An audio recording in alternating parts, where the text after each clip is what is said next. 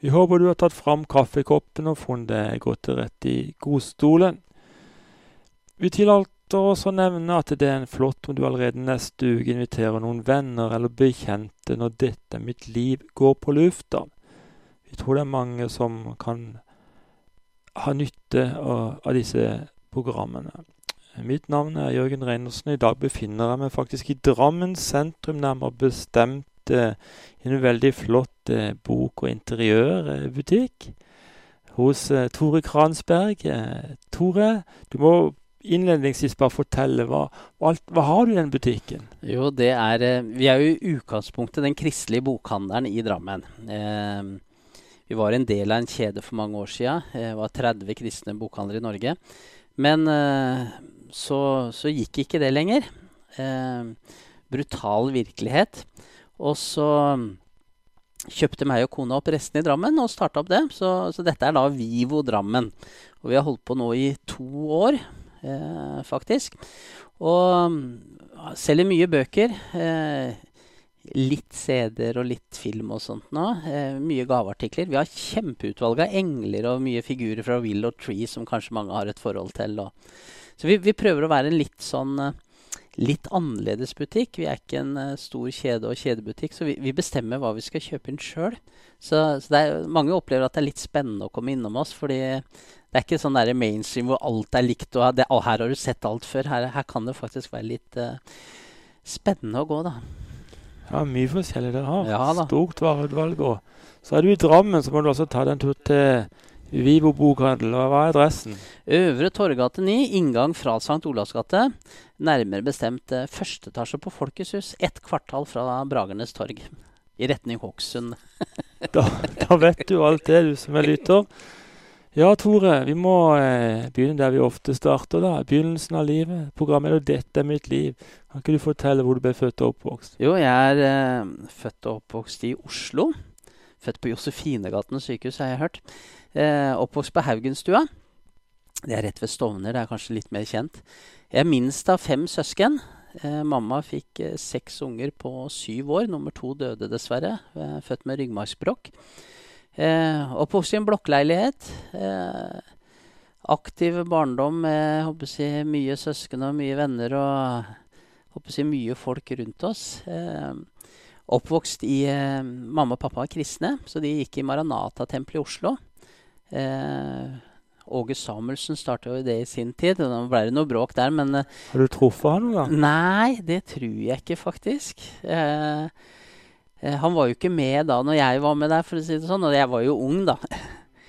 Men eh, jeg, jeg har jo vært på Dalen hotell i Telemark og på en måte hørt mye bra om Åge. Og han var jo en folketaler uten like.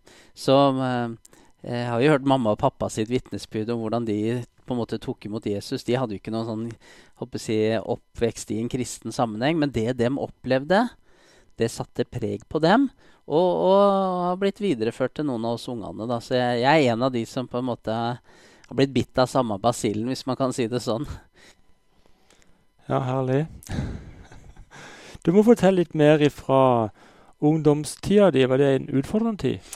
Eh, nå har jeg stort sett alltid vært snill gutt, og det var jeg vel i ungdomstida òg, men jeg, jeg, er, jeg sånn jeg liker å analysere og liker å tenke. Og, eh, og så var det sånn eh, minst av, eh, av eh, egentlig da seks søsken. Eh, på sju år så, så skjønner jeg jo at jeg ikke var planlagt. Jeg har alltid vært ønska. Jeg har vært velkommen i familien og, og, og, si, alltid kjent meg elska av mamma og pappa. Det går, det går ikke på den biten.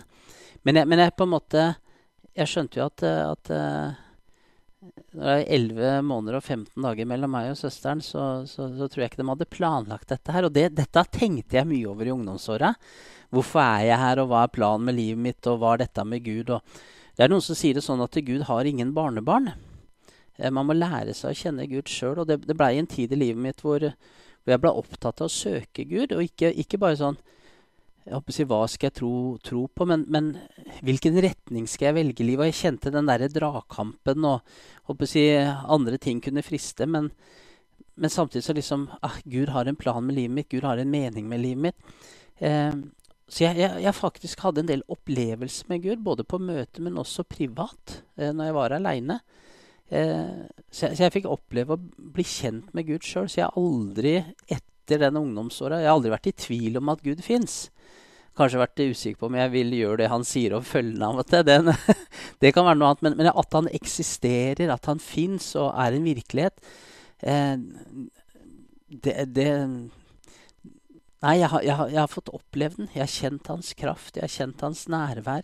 Jeg har kjent hans kjærlighet, men også, også på en måte der han setter oss litt på valg. Det er, det er så mange i dag som snakker om å Gud er så kjærlighetsfull, han er det. Samtidig som jeg av og til syns jeg det blir litt sånn vassent. Det blir litt sånn Jeg er da mann! eh, Gud utfordrer oss litt, og vi har på en måte eh, Det er koselig med alt det andre òg, altså ikke misforstå meg, men, men eh, Gud er ikke en sånn femikledd, holdt jeg på å si. Unnskyld uttrykket. men, men han, Gud er maskulin, og han på en måte utfordrer oss og setter oss på valg og vil være med oss og tør å utfordre oss og vil ha oss til å velge ting. Og, og, så, og så, lover han å backe oss opp.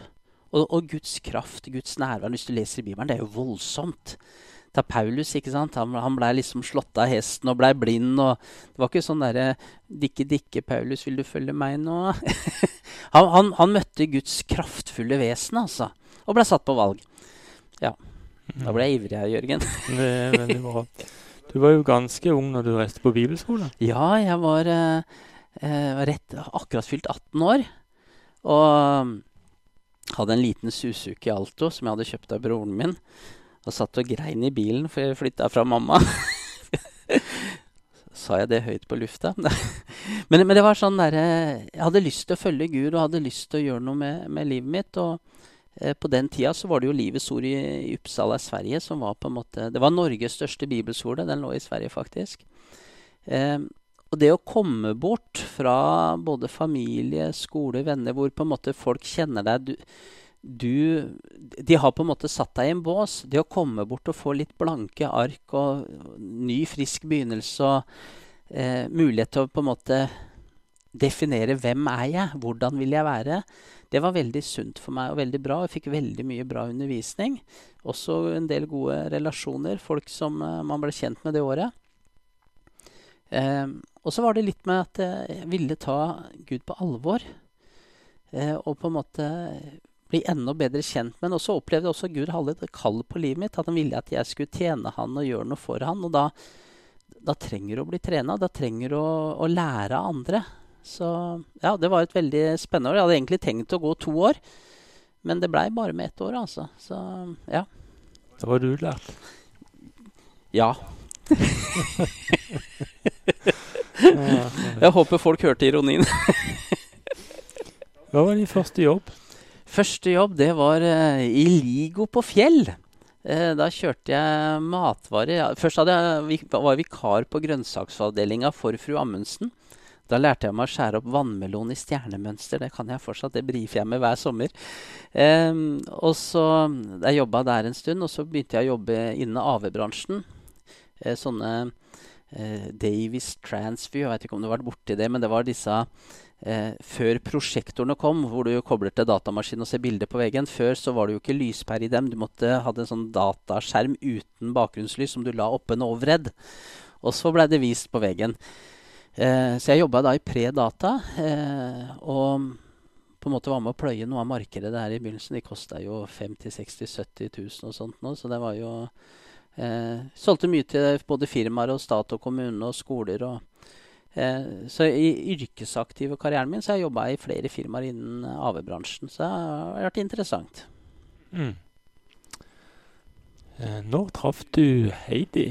Du, eh, det er en litt sånn spesiell historie. Jeg, jeg gifta meg jo tidlig etter at jeg kom hjem fra Sverige. Eh, fikk to unger. Dessverre så gikk jeg gjennom et uh, samlivsbrudd. Det var veldig tøft. Det var uh, akkurat som om bunnen ramla ut av livet mitt. Uh, jeg var kristen. Dette skulle ikke skje. Det burde ikke skje meg som var kristen. Eh, så det, det, var en tøff periode. Eh, og, hvor jeg på en måte trengte å definere livet litt på nytt igjen. Og, eh, og jeg, jeg, tror ikke det var Guds vilje. Jeg tror ikke det var feil å gifte seg, bare for å si det også. Men jeg tror man jo, gjør feil underveis.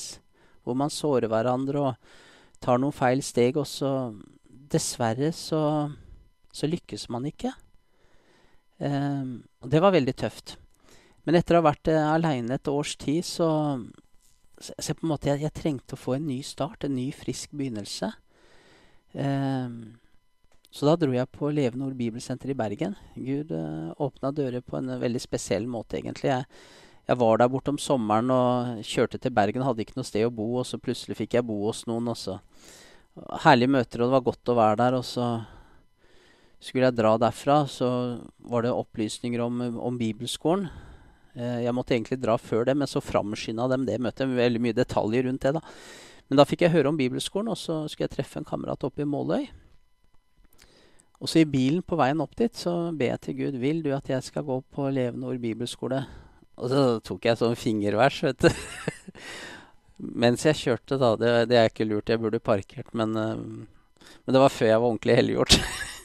så jeg tok et fingervers, og åpna Bibelen ved siden av meg i bilen, og så putta jeg fingeren ned, og det var apostelens gjerning. Og så, og så sto det i verset der det var han som mottok de levende ord for å gi dem til oss. Så det fikk jeg som en bekreftelse på at uh, at jeg skulle ta et år på bibelskole. Og i løpet av det året så, så traff jeg Heidi. Så eh, det var litt spesielt, for vi, vi, på en måte begge to var eh, Nå hadde ikke eh, hun noe ekteskap eller noe sånt bak seg, men hadde hatt noe forhold. Eh, vært aleine i mange år og egentlig innstilt på at eh, ok, Gud, hvis det å følge deg betyr at jeg må være aleine, så jeg er villig til å betale den prisen. Samme runden hadde jeg tatt. Eh, var egentlig ikke ute etter å finne noen, var egentlig bare ute etter å bli gjenoppretta få livet på stell igjen. Eh, og så, og så traff vi hverandre, og så var det akkurat som om Skal jeg si ja? Jeg tror at man kan få mye legedom et, etter en tøff periode sånn som det. Eh, Gud kan gjøre mye, og venner kan bety mye, men, men samtidig noe av legedommen den kommer faktisk ved, ved, at en annen person kommer inn og, og, viser deg kjærlighet. Og det fikk jeg oppleve. Så vi, vi eh, Ja. Vi traff hverandre, og kjærligheten var der. Skjønte det ved en bisetning. og så plutselig så var det noe, ikke sant. Og så prata vi sammen, og passa også å prate med både pastor og, og, folk vi hadde rundt oss, for å få en del veiledning og råd og hjelp i den fasen. For det er så lett å tråkke feil. Eh, og det følte vi at vi, vi, fikk god veiledning, vi fikk eh, gode råd og god hjelp. Og så gifta vi oss, og nå har vi vært gift i 19 år. Så jeg, jeg er vel jeg velsigna med ei kone som har sjela på utsida. Så hvis jeg er sur, så trenger jeg ikke å lure på det, for det, det syns godt. Men hun er også glad, og, og, på en måte den biten syns også godt. da. Så hun er herlig, sprudlende bergensk kvinne som elsker Jesus og elsker meg. Mm. Nydelig. Tore, du delte før denne musikalske pausen at uh, du hadde vært uh, gift tidligere. Hvordan ble det tatt imot i kristne sammenhenger? Det, dette er jo vanskelig tema, og, og si, vanskelig for personene det gjelder. Eh, og jeg må jo begynne med å si at, at jeg tar jo 100% ansvaret for alle mine feil. Eh, hvilket annet forhold kan man ha etter å ha mislykkes? I, i et samliv. Eh, jeg, sånn, jeg, tror ikke vi gjorde feil når vi gifta oss. Jeg tror det var riktig. Vi ble velsigna med to barn. Eh, og de var meant to be, for å si det sånn. Så det, det, det har ført til velsignelse, og det har vært godt. Men så gjør, gjør man feil. Eh, man prioriterer feil, og, og, så har man litt ballast og sår med seg som på en måte man kommer inn i en ond sirkel istedenfor en god sirkel, som ekteskap er ment å være. Eh, og dette, dette, er sikkert noe jeg, folk kan relatere til. Nå vil ikke på en måte utbrodere noe hva som skjedde, åssen ting gikk og alt dette. Men, eh, men jeg mislyktes med mitt ekteskap. Eh, det er tøft, i, tøft for en sjøl. Det er også tøft for familie og slekt og alle rundt. Eh, tøft med jobb og på en måte ja, jeg, har, jeg, er glad i matematikk, egentlig. Da, så jeg har sånn bisart regnestykke. Jeg, hvis jeg hadde fem gode kamerater, og jeg valgte å være sammen med dem én kveld i måneden, og ikke tok alle fem samme kveld, men én kveld med hver av dem, da hadde jeg bare 25 kvelder aleine. Så, så, plutselig skjønte jeg, jeg jeg trenger nye venner. ikke sant? Jeg må få ny omgangskrets. Plutselig, livet, livet måtte ordnes på en annen måte. Eh, du spurte åssen kristne venner tok det. Eh, mange trakk seg unna. Eh, det blir også en sånn ubevisst eh, stillingskrig etter en skilsmisse, fordi eh, hvem vinner historien? Hvem vinner vennene? Eh, si, hvem vinner ryktekampen, eller på en måte Og, og mye av dette er jo ubevisst, men, men samtidig så er det jo eh, det, er, det, er, tøft for mange. Jeg tror det er bare tapere i, i, en sånn situasjon. Men klart, har man det ikke godt, så må, så må man ta tak i ting òg. Eh, jeg så det ikke komme, og ja, jeg var mann. Og ung mann, så trodde ikke sånt ville skje, og det ville ikke skje meg. Um, jeg hadde heldigvis en god pastor på den tida. Uh, så jeg kunne prate med han, og han prata med meg. Det, det hjalp meg mye. Han turte å si sannheten til meg. Kalle en spade for en spade. Husker jeg Vi hadde hatt en bibelgruppe med noen venner. Vi hadde gått i samme menighet, og så var vi spredd for alle vinder. Og så var det vi gutta samlas et par ganger i halvåret. Jeg hadde på en måte gruppe, da. Og noen var lutherske prester, og noen var i frimenigheter. og ja, En salig blanding. Og så husker jeg første møte jeg skulle, eller første gang jeg skulle treffe dem etter jeg var flytta for meg sjøl. Du kvier jo livet av deg, ikke sant? Treffe igjen eh, kristne brødre, og der er du liksom flytta på hybel og ja. Um, og så husker jeg kom inn og vi skulle møtes, var på Peppes eh, restaurant i Oslo. Så kommer han ene, ene da. Han, han, var jo herlig type. Kommer han bort til meg, og så sier han ah, 'Jeg hater skilsmisse'. Og så, ja, det gjør jeg òg. og så var liksom, da var luften ute av ballongen, og så hadde vi det koselig resten av kvelden. ikke sant? Men han turte å på en måte bare, bare uttrykke seg og være direkte. Og jeg tror jo de som opplever skilsmisse, det er ingen av dem som elsker skilsmisse, heier på skilsmisse. Vi har mislykkes. Det er noe som har ramma oss. Og og som jeg sa, jeg si, vi må ta 100% ansvaret for våre feil. Eh, det vi har gjort feil sjøl, og det er viktig. Eh, jeg trodde jo ikke, i, og med at jeg var kristen Jeg hadde, jeg jobba i en misjonsorganisasjon. Så skjønte jeg på en måte helt på slutten at eh, på en måte ting er tøft nå. Jeg veit ikke åssen dette går. Så jeg fikk meg vanlig jobb. For jeg, jeg, tenkte blir jeg skilt, så kan jeg ikke tjene Gud. Eh, det var det jeg var oppvokst med og hadde lært. å si, Skilsmisse er ikke Guds vilje. Og, ja. Eh, så jeg fikk meg vanlig jobb. Eh, hvor lurt det var, og på en måte hvor smart det var, det Jeg ville i hvert fall ikke at si, den misjonsorganisasjonen jeg jobba i, at de skulle blitt belasta med mine personlige problemer. Den støyten ville jeg heller tatt sjøl. Eh, det var min tankegang. Jeg ser jo det at hadde jeg vært forblitt der og blitt tatt hånd om, så, så hadde det skåna livet mitt for mye. Eh, for det var en turbulent periode imellom der. Eh, eh, så, så, men dette er vanskelige ting. Jeg, jeg, gikk også til samtale. Jeg gikk til psykolog i den perioden. Eh, det var veldig bra. Jeg, jeg, hadde hjelp fra pastoren min og kristne, men samtidig så skjønte jeg at eh, jeg trenger ikke bare kristenhjelp. Jeg trenger, jeg trenger, å prate med noen andre. Eh, og det var en eldre dame som hadde jobba mye med, med, familie. Og jeg husker spesielt én gang fordi Jeg har et bilde av dette, dette, dette var sånn Fordi hvis, hvis, jeg ga blanke i alt og gjorde ting som var feil, og på en måte var sammen med arbeidskollegaer og festa eller liksom gjorde sånne ting, så, så hadde jeg det bra. Men hvis jeg prøvde å gjøre det Gud ville, så hadde jeg det vondt. Det var, dette var jo midt i på en måte den prosessen med jeg separasjonstida og sånt. da. Eh, og da, da, på en måte OK, Gud vil meg ondt, men hvis jeg velger feil, så har jeg det godt. Det skaka ved hele troen min og gudsbildet. Og, eh, det var en tøff periode, egentlig. Og så plutselig svarer jeg, hadde en eh, time hos psykolog. og du så på noen sånne bilder. da, Jeg trodde om du så liksom det ligna på en hest eller ku. liksom At det var det som avgjorde. Men det var jo ikke det. Det var om du så helheter eller detaljer. Og jeg var flink til å se helheter. Og i den fasen i livet mitt hvor si, helhetene var borte, de hadde rakna, så, så, trengte jeg å bli flink til å se detaljer og ta én dag av gangen. Så, så, det var akkurat som å få ta et speilbilde av sjelen din, se deg sjøl, kjenne det igjen, og samtidig skjønne at oi, her må jeg jobbe med meg sjøl. Eh, og det ble en veldig sånn eh, selvransakelse innenfor meg sjøl, men også innenfor Gud.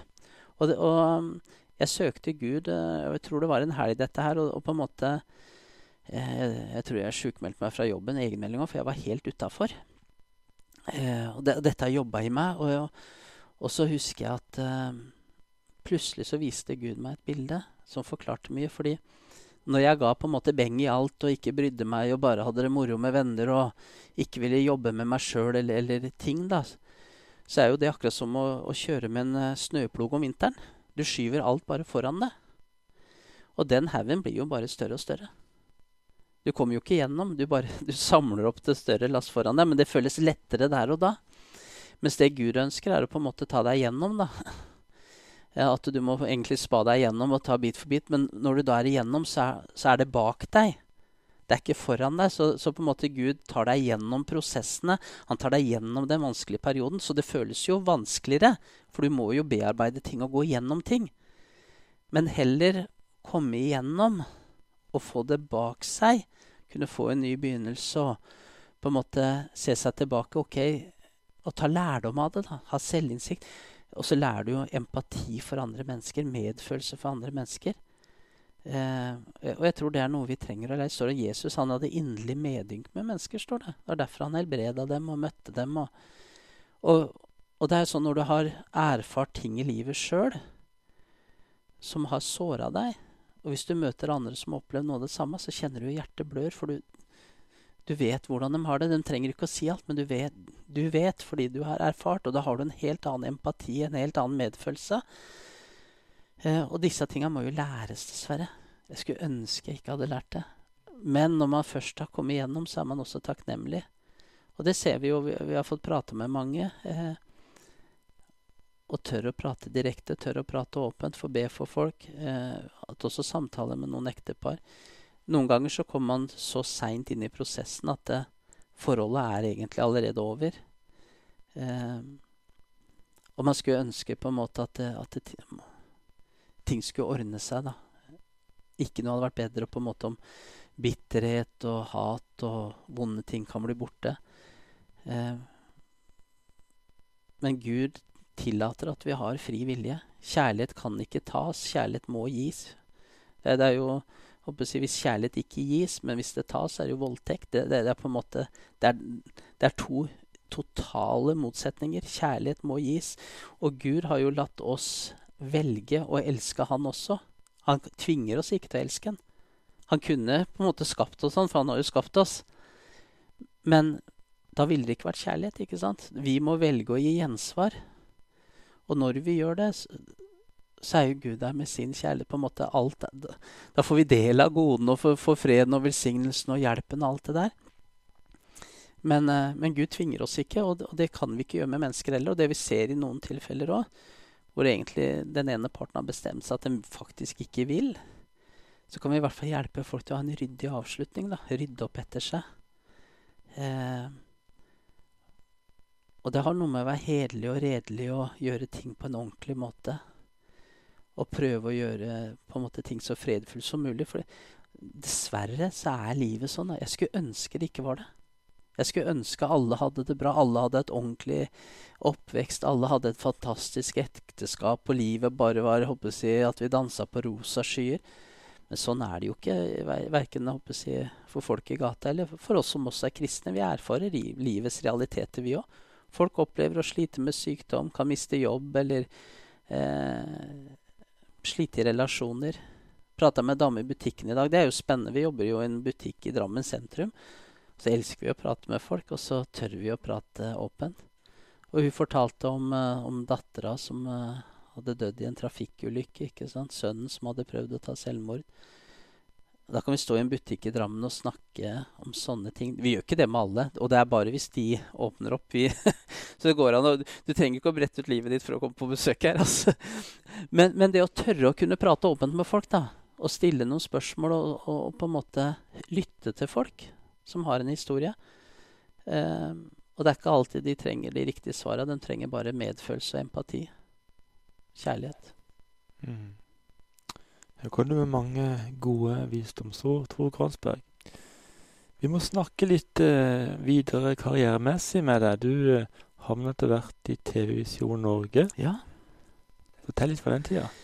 Jo, jeg det, Før det så jobba jeg i New Life Mission, og vi lagde TV-programmer som ble sendt på Visjon Norge. Og så var det en dag jeg skulle levere et uh, TV-program for New Life Mission på Visjon Norge, og kjørte inn på plassen der. Og så var det akkurat som om jeg kjente en sånn innskytelse i hjertet at dette blir jobben din, eller dette blir arbeidsplassen din neste fem åra. Og så slo jeg det fram og tenkte ikke noe mer over det, liksom. Men så fikk jeg tilbud om jobb uh, som ungdomspastor. Uh, og det er sånn, jeg er jo kristen og tro på Gud og åpne veier og alt, så måtte jeg takka ja til det. Jeg burde kanskje tatt en uh, samtale om betingelser og sånt først, for jeg, jeg gikk ned kraftig i lønn de første åra. det bedra seg etter hvert, men, men, men, det var liksom ikke det som sto i huet. Jeg var bare glad for å tjene Herren. Så fikk vi være med å bygge opp ungdomsarbeid i menigheten av Visjonskirken. Det var der jeg begynte å jobbe. Og så blei det at man hjalp til litt på TV også. Eh, starta vi Gud i din by med evangelisering, og så hadde vi kampanjer rundt i Norge med ulike evangelister. og så det hadde store resultater med Gud i din by. Ja, det var litt spennende, fordi eh, vi hadde jo mange sterke møter. Og så blei det sånn at eh, hvis det bare handler om at jeg skal møte Gud eh, For unnskyld uttrykket, men, men jeg, jeg, følte meg litt som en sånn derre feit buddha-figur, sånn åndelig sett. At det, alt handla om meg. Jeg bare spiste og spiste uten å få gitt noe ut. Eh, og da blir det ubehagelig. Du kan tenke deg hvis du stopper igjen bak, holdt jeg på å si, så det går ikke mange dagene før det begynner å bli ubehagelig. Eh, og det var litt sånn jeg følte det, billig talt, altså. eh, og tenk på at Vi må få prate med mennesker om Jesus. Vi må fortelle andre om Jesus. Det handler ikke bare om meg. Det handler om andre. Eh, så vi fikk et skript fra noen som hadde vært i USA, en tekst man leser for folk. Og i løpet av de åra jeg var engasjert der, så fikk vi trene opp rundt 500 mennesker til å prate med andre ute på gata. Og, og eh, 11 000 personer ba frelsesbønn, som vi sa det da. Jeg vil ikke si at de blir frelst, men vi ba en bønn med dem, hvor de, hvor de tok imot Jesus. Eh, og det kan du si liksom hvordan man blir frelst. og jeg tror jo at uh, I Bibelen står det dersom du tror med hjertet og bekjenner med munnen, så skal du bli frelst. Men det å måle tro med hjertet er litt sånn uh, vanskelig. Uh, en av de mest fascinerende bønnene i, Bibelen, en av de korteste, det var røveren på korset. Han så på Jesus og sa han 'tenk på meg'. Det er en elendig bønn, egentlig. Det er jo sånn 'tenk på meg'. Hva slags bønn er det, liksom? Det, men, men, det har jo med situasjonen. Han hang på korset, han visste han skulle dø. Han hadde hørt om Jesus, visste Jesus var uskyldig. Han enerøveren håna Jesus, ikke sant. Men han her, i medfølelse og håper si, på Jesus som ble uskyldig korsfesta, og, og, i bønn for sitt eget liv, så så han på Jesus og sa 'tenk på meg'. Og så vender Jesus seg mot den og sier 'sannelig, jeg sier deg i dag, du skal bli med meg til paradis'. Så den bønnen tok han til paradis. Den tok han til himmelen. Den førte han hele veien hjem. En så enkelt 'tenk på meg'. Det er fascinerende. Ja, Nydelig. Du skal høre med til Tore Kransberg etter en sang med Heidi Kristine Kransberg, og hun eh, synger sangen eh, O Jesus, du som fyller alt i alle.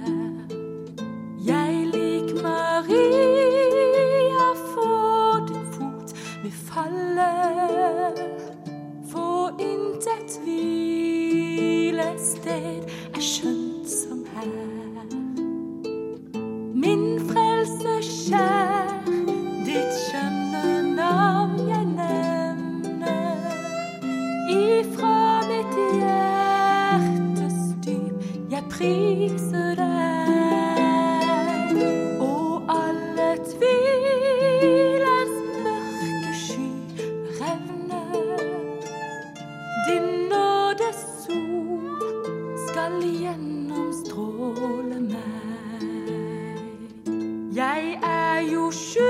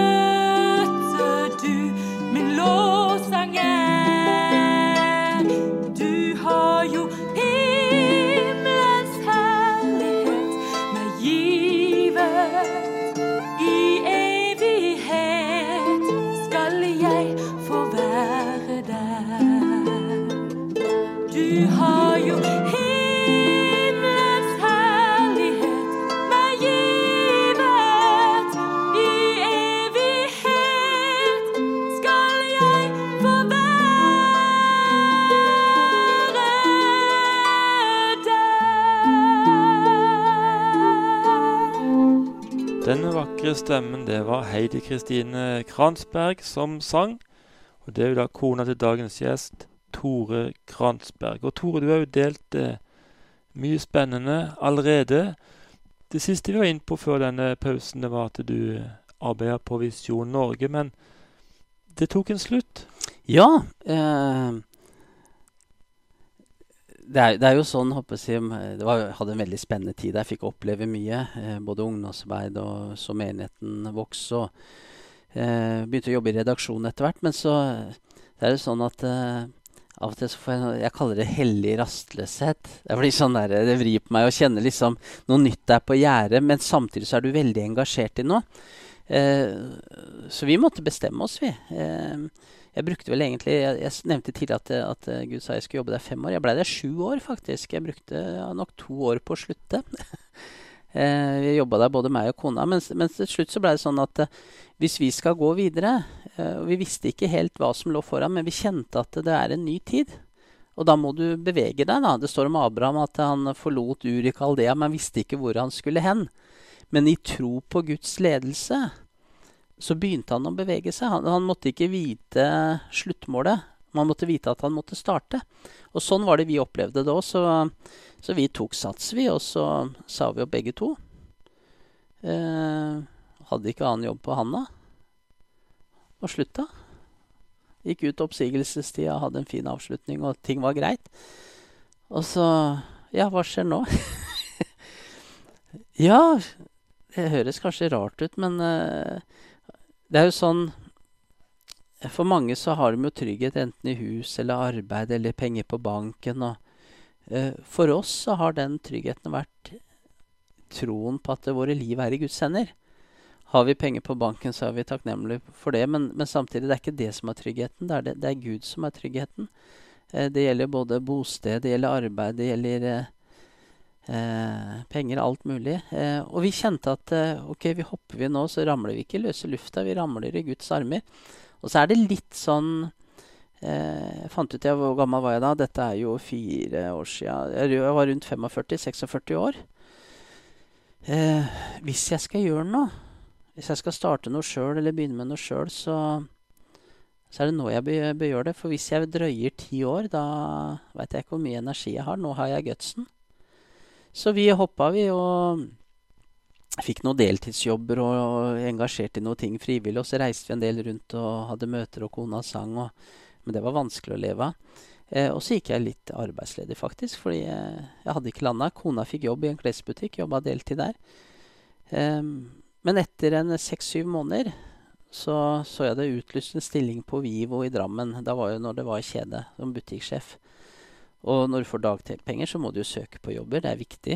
Eh, det forplikter du til å søke på jobb når du eh, ikke har jobb. Så jeg søkte og ble innkalt til møte og tenkte jeg får den sikkert ikke, jeg er pinsekarismatisk, og dette var jo Nordmisjonen, ikke sant. Men, men, så fikk jeg jobben. Eh, og det, det, var spennende. Og plutselig så skjønte jeg jo eh, For mange år siden så jobba jeg jo på Levende Ord i Bergen, drev kristne bokhandelen der, og da drømte vi om å drive bokhandlere rundt i Norge, ikke sant. Det er sånn Plutselig så var det 10-15 år gamle drømmer som vi hadde lagt på hylla for lengst, og liksom Nei, det lyktes vi ikke med, og det ble ikke noe av. Plutselig sto vi midt oppi det uten å egentlig åpna de dørene sjøl, da det ble åpna for oss. Eh, og så skjedde det jo at eh, butikkjeden gikk konkurs. Lang historie. Vi kjøpte resten og starta opp igjen. Eh, så nå gjør vi det, og så holder vi på med litt andre ting ved siden av. Så, så er det sånn eh, Du trenger ikke alltid å se hele veien. Se målet. Det er veldig godt når man vet det, men, men, det, men noen ganger så må vi bare tørre å bevege oss. Gå på den derre gutsen eller innsida eller eh, det, det, man kjenner. Eh, og det tror jeg Jeg som er kristen, tror jo Gud taler til oss, at han legger ting på innsida av oss. Men jeg, jeg, tror mange kan kjenne seg inn i det, igjen i dette her. At det, nå er det noe nytt nå som ligger foran oss. Og det å tørre å følge det eh, Jeg tror ikke folk eh, angrer eh, Jeg tror håper jeg, folk i slutten av livet det angrer kanskje mer på ting de ikke har gjort, enn på ting de har gjort. Eh, så det å tørre, hvis du har lyst til å gjøre noe, du liksom Eh, jeg tror det kan være litt sunt. Ja. Og, og si det sånn, da, om du skulle tråkke feil. Farlig er det. Ja. Ja, jeg, Ja. Det er bare å rydde opp etter seg, det å gå videre, liksom. Det er ikke Ja. Gjør man feil, så får man si unnskyld, og så får man rydde opp etter seg, og så får man finne på noe annet. Det, det er liksom Det stokker det, det betyr ikke all verden. Men man bør prøve. Man bør tørre å gjøre noe. Høres veldig bra ut, Tore. Vi nærmer oss faktisk slutten av dette programmet. Tida går så vanvittig fort. Men Tor, kan ikke du eh, komme en hilsen, personlig hilsen til de som lytter på dette programmet? Jo, det, det, har vi faktisk lyst til. Jeg hadde et møte i Skiptvet, Philadelphia der her for et par uker siden. Og da talte jeg om, om veien. Jeg, vi har vært på bilferie i sommer og kjørte nedover i Frankrike. Og så var det en av disse kveldene på veien hjem gjennom Tyskland hvor det var litt mørkt og det regna litt. og Kona sov, og guttungen sov bak i bilen. og så Jeg sitter og filosoferer og tenker, og så tenker jeg på dette med veien og, og på en måte kristne symb symbolikk rundt dette. da, og Når det er mørkt, og det å på en måte få på fjernlys, da ser du målet. Da kan du se langt fram. ikke sant? Og dit skal jeg, og dette går bra. Men plutselig kommer det jo motlys. Eller det kommer biler imot deg som blender deg. Da må du ta av fjernlyset. Da ser ikke jeg plutselig så langt fram. Og så blir jeg blenda av andre ting som møter meg. Og, og kan nesten bli litt sånn stressa. Hvor skal jeg nå? Og dette, dette, er jo litt sånn som livet er. At du, noen ganger så har vi planer, og vi ser langt fram. Og, og jeg, skal bli det, og, og, jeg skal ha hus der, og sånn skal livet mitt Jeg skal bli gift, ha to unger og hund og en katt og jeg håper se Volvo stasjonsvogn, er ikke det de sier. Men, men på en måte men så er det ikke alltid livet blir sånn. Vi kan bli blenda. Vi kan møte ting møter oss, kommer imot oss. Eh, det kan være ruskevær hvor vi har dårlig sikt. Eh, og, det, og, dette er på en måte livet generelt, men også livet med Gud. Er, vi er på vandring, vi er på vei. Ofte så stresser vi med at ja, jeg er her, og jeg skal dit. Men når vi var på bilferie i sommer, da, vi bruker da kanskje åtte dager i bilen, hele dagen nesten, ikke sant hvis ikke vi hadde kost oss underveis Når vi kjører forbi Luxembourg, så stopper vi i Luxembourg, og så tar vi sightseeing på ettermiddagen før vi kjører videre. Ikke sant? Vi koser oss på veien.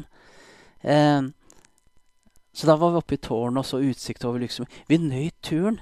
På veien hjem så stoppa vi i Belgia. Hadde problemer med trodde det var dieselpartikkelfiltre. Det er en sånn dyr greie. ikke sant? Men så var det heldigvis bare en sensor. da, Men det, men det tok 22 timer å få en ny sensor på plass.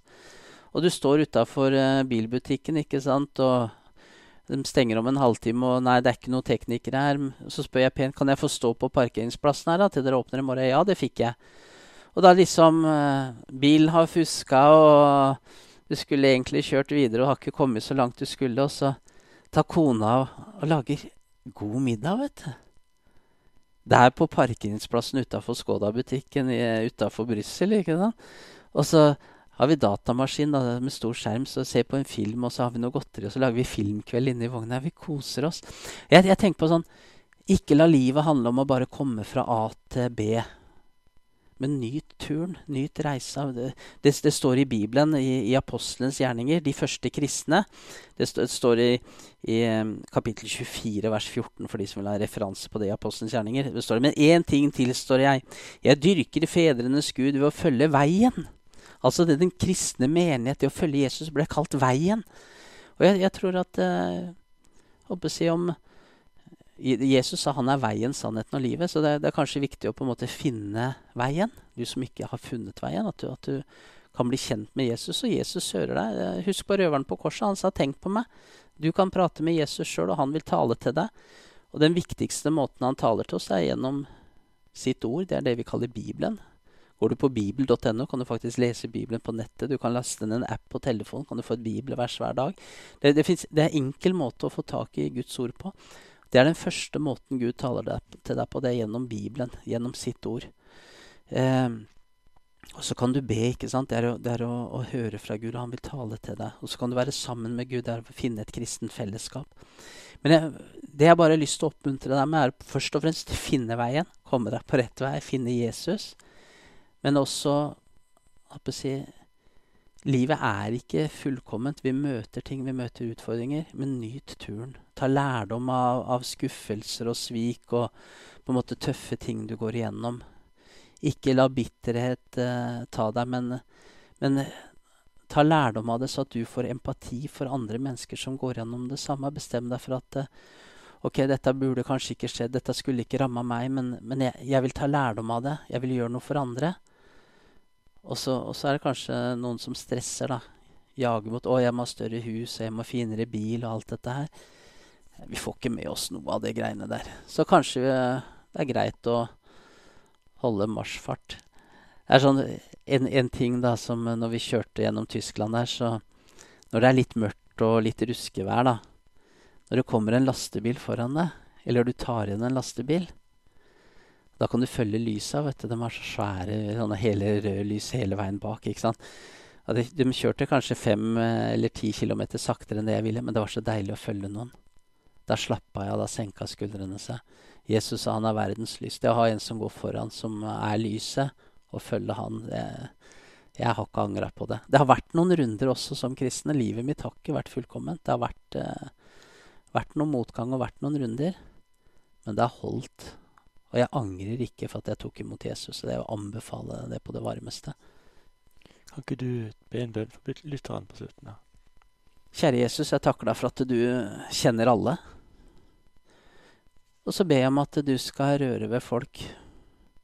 Du veit at det er flere som i sitt hjerte nå ber denne bønnen. Tenk på meg, på samme måte som røveren på korset. Jeg ber om at de skal få høre de samme ord som røveren hørte. Hvor du tar imot Jesus, og så sier du, sannelig, sannelig, jeg sier deg i dag, du skal bli med meg til paradis. Takk, Jesus, for at du lar dem finne deg og følge deg. Så må du velsigne dem, Herre med din fred og ditt nærvær. I Jesu navn, amen. Hjertelig takk til deg, Tor Kransberg, for at du ville stille som gjest i denne programserien som heter 'Dette er mitt liv'. Må Gud bare rikelig velsigne deg og Heidi og den tjenesten der står i, og salget også her i Bokkiosken, da, i, midt i Drammen sentrum. Mitt navn det er Jørgen Reinersen. Neste uke så er vi tilbake på samme tid og på samme kanal med en ny spennende gjest i studio. Om du ønsker å lytte til tidligere programmer, så kan du gå inn på vår hjemmeside 9010.no. Dette skrives slik nitti10.no. Følg med også gjerne på Facebook. Mitt navn er altså Jørgen Reinholdsen. Husk, kjære lytter, du er unik, du er høyt elska av din himmelske Far. Han har en plan for nettopp deg. Hjertelig takk for i dag.